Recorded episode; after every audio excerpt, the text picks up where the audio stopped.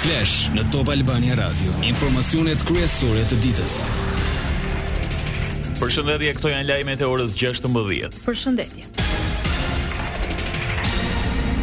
Ende asnjë autor nga ekzekutimi i biznesmenit e anëtarit të këshillit bashkiak të Lezhës, Ardian Nikulaj, dje në Shëngjin, pas atentatit në lokalin e tij janë shoqëruar e marrë në pyetje disa persona. Nga kamerat, autori shihet të largohet qetësisht me motor përgjatë superstradës në drejtim të Shkodrës dhe në zonën e Gjadrit humbet gjurmët. Policia ushtroi kontrolle në disa vende, por pa arritur të gjejë prova që mund t'i shërbejnë hetimit.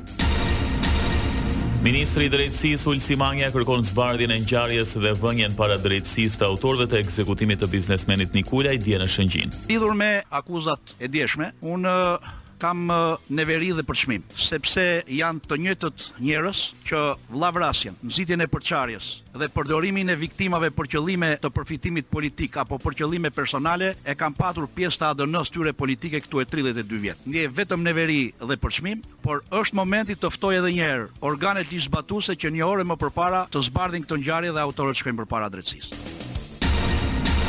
Në gjykatën e posaçme për herë të tretë dështoi seanca lidhur me fillimin e gjykimit për inceneratorin e Elbasanit, shkak u bë mungesa e Jonida Zeqos, ish-anëtare e komisionit për dhënien e koncesionit në arrest shtëpie, por nuk u gjet në shtëpi.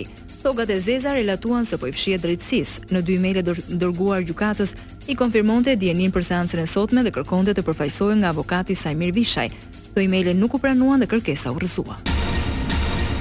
Në lidhje me inceneratorin e Fierit, ekspertja Manjola Fida shprehet se nuk është abuzuar me fondet publike. Në fushën e ndërtimit prej vitesh, inxhinierja asiston edhe si eksperte e pavarur në gjykata. Abuzime nuk ka duke qenë se ne jemi para faktit që në vepër ka qenë parashikuar të ndërtohej me një shumë monetare rreth tridhjetë e dy milionë euro dhe faktikja, Ditën që ne kemi bërë inspektimin, në periudhën që kemi bërë inspektimin, vlera e punimeve ka qenë tridhjetë e pesë milionë euro. Pra kemi një tejkalim. Punimet dhe vlera monetare e cila është në tejkalim të vlerës së nënshkruar në kontratë, është marrë përsipër dhe nuk është njohur si nga ana e supervizorit dhe nuk është faturuar kundrejt shtetit. Pra është një kosto të cilën kompania koncesionare e ka marrë dhe ta mbulonte vetë. Për shumën e investuar, inxhinierja mban parasysh kontratën e nënshkruar midis autoritetit nënkontraktor të shoqërisë koncesionare. Nga inspektimi që ne i kemi bërë objektit, referuar dhe në dokumentacionin e mbajtur gjatë ndërtimit të kësaj vepre, rezulton që vlera faktike e investimit të jetë në masën rreth tridhjetë e pesë milionë euro. Kemi një rritje të vlerës së investimit nga ajo e parashikuar. Kjo ka ardhur për shkak se është ndryshuar vendi i ndërtimit ose më saktë sheshi i ndërtimit ku ishte parashikuar të ndërtohej si fillim objekti dhe përmirësimi i teknologjisë së impiantit. FIDA thekson se ky rezultat bazohet në prova shkresore. Për Hartimin e akt-ekspertimit, jemi referuar të gjithë dokumentacionit i cili është mbajtur nga mbikëqyrësi i punimeve, në rastin konkret për këtë vepër ka qenë shoqëria Ave Consulting, përfaqësuar nga Zoti Arben Dervishi, Pjesë e dokumentacionit të mbikëqyrësit janë librezat e masave të cilat hartohen për çdo zë punimi që realizohet në vepër, janë procesverbalet e punimeve të maskuara të cilat shoqërohen me patjetër dhe është kusht shoqërohen me fotografi, sepse duke qenë se janë punime të maskuara janë punime të cilat kur veten në vepër për të parë veprën për të bërë inspektimin nuk mundesh më që t'i shikosh, kështu që për to referohesh në dokumentacionin i cili mbahet gjatë ndërtimit të veprës. Këshilli i Ministrave miratoi vendimin për rritjen e pagave në disa kategori. Ministrja e Financave dhe Ekonomisë Delina Ibrahimaj tha se për disa profesione që i shërbejnë sigurisë kibernetike do jepen paga dhe bonuse të larta. Ibrahimaj veçoi sektorë. Hapin e parë të rritjes për sektorin shëndetësor, për sektorin arsimor, por dhe për sektorin e sigurisë, konkretisht për Policinë e Burgjeve, për Policinë e Shtetit, për Gardën e Republikës, por dhe për zjarrfikësit. Kostoja vjetore e cila e plotë do jetë në vitin dy mijë e njëzet e pesë kur të mbyllet dhe reforma e pagave llogaritet në tridhjetë e tetë miliardë lekë. Nesër, me rastin e Fitër Bajramit për të gjithë besimtarët myslimanë, Bashkia e Tiranës vendos në dispozicion tre parkingje falas për ritualin e faljes. Parkimet te Shtatë Xhuxhat, sheshi Skënderbej dhe bulevardi i ri do të jenë pa pagesë nga ora pesë deri në orën nëntë të mëngjesit. Prilli është cilësuar muaj solidariteti në Tiranë i shënuar nga aktivitete sociale. Myftiu i Bashkësisë Islame të Kosovës, Naim Tërnava, uroi besimtarët myslimanë në prag të festës së Fitër Bajramit. Një nga festat kryesore që shënohet nesër. Vëllezër dhe motra, në këtë natë të madhe, në vigjilje të festës së Fitër Bajramit, lusim Zotin për mirësi, begati, paqe, harmoni, larg zënkave, konflikteve, sherreve, egove të dynjasë. Duke i uruar e përgëzuar, lutem që në familjet tona, festa e Fitër Bajramit të na sjellë ngrohtësi, Dashuri, harmoni e lumturi. Agjërim, lutje, ibadete të pranuara. Besimtarët myslimanë nisën më njëzet e tre mars muajin e madhërishëm të Ramazanit, gjatë të cilit agjërojnë duke plotësuar një nga pesë kushtet e Islamit. Muaji i Ramazanit përfundon sot.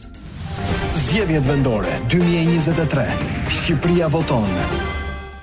Kandidati socialist i Bashkisë Tiranë Erion Veliaj vazhdon turin e takimeve me banorë të kryeqytetit. Sot u ndal në njësitë numër shtatë dhe tre, e ku në vijim të fushatës së gjelbër mori pjesë në mbjelljen e pemëve.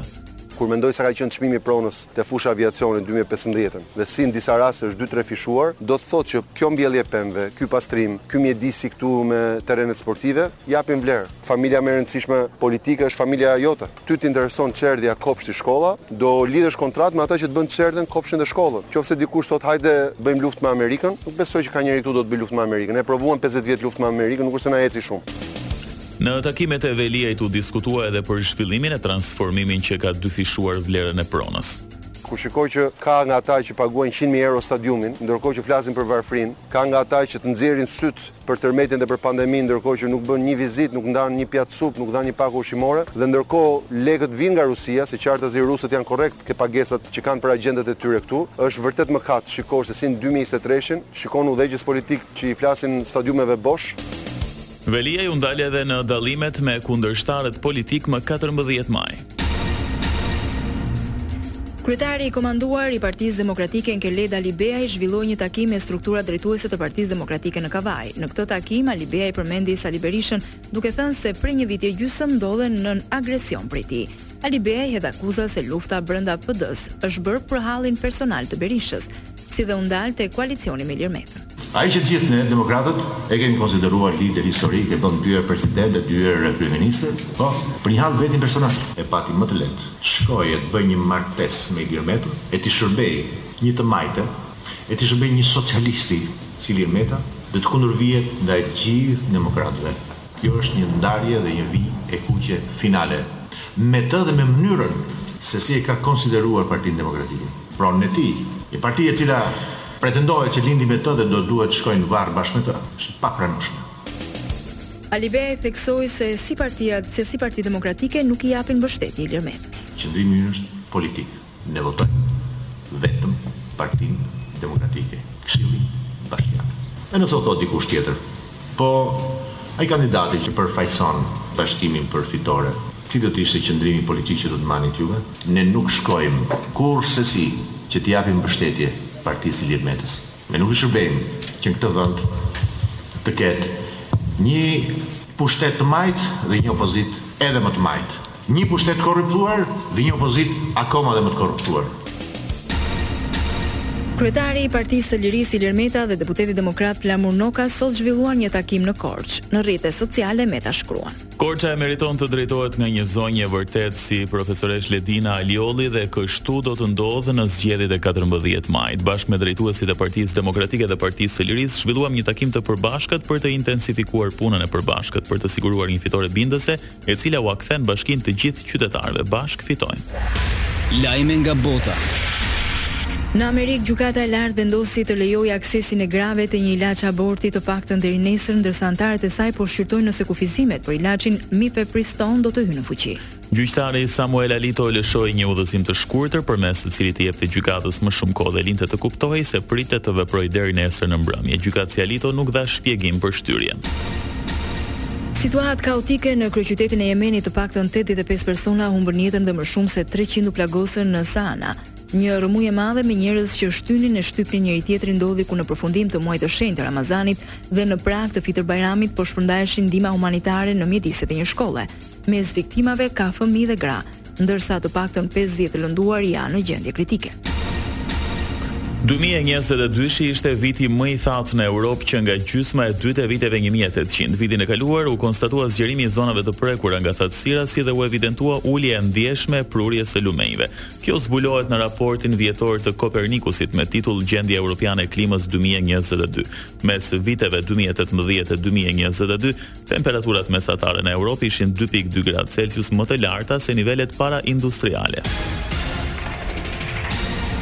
Ndoqët një përmbledhje të lajmeve kryesore të ditës. Edicioni informativ i radhës është në orën 17. Unë jam Ani Bame. Unë jam Edi Hallaçi. Kjo është Top Albania Radio.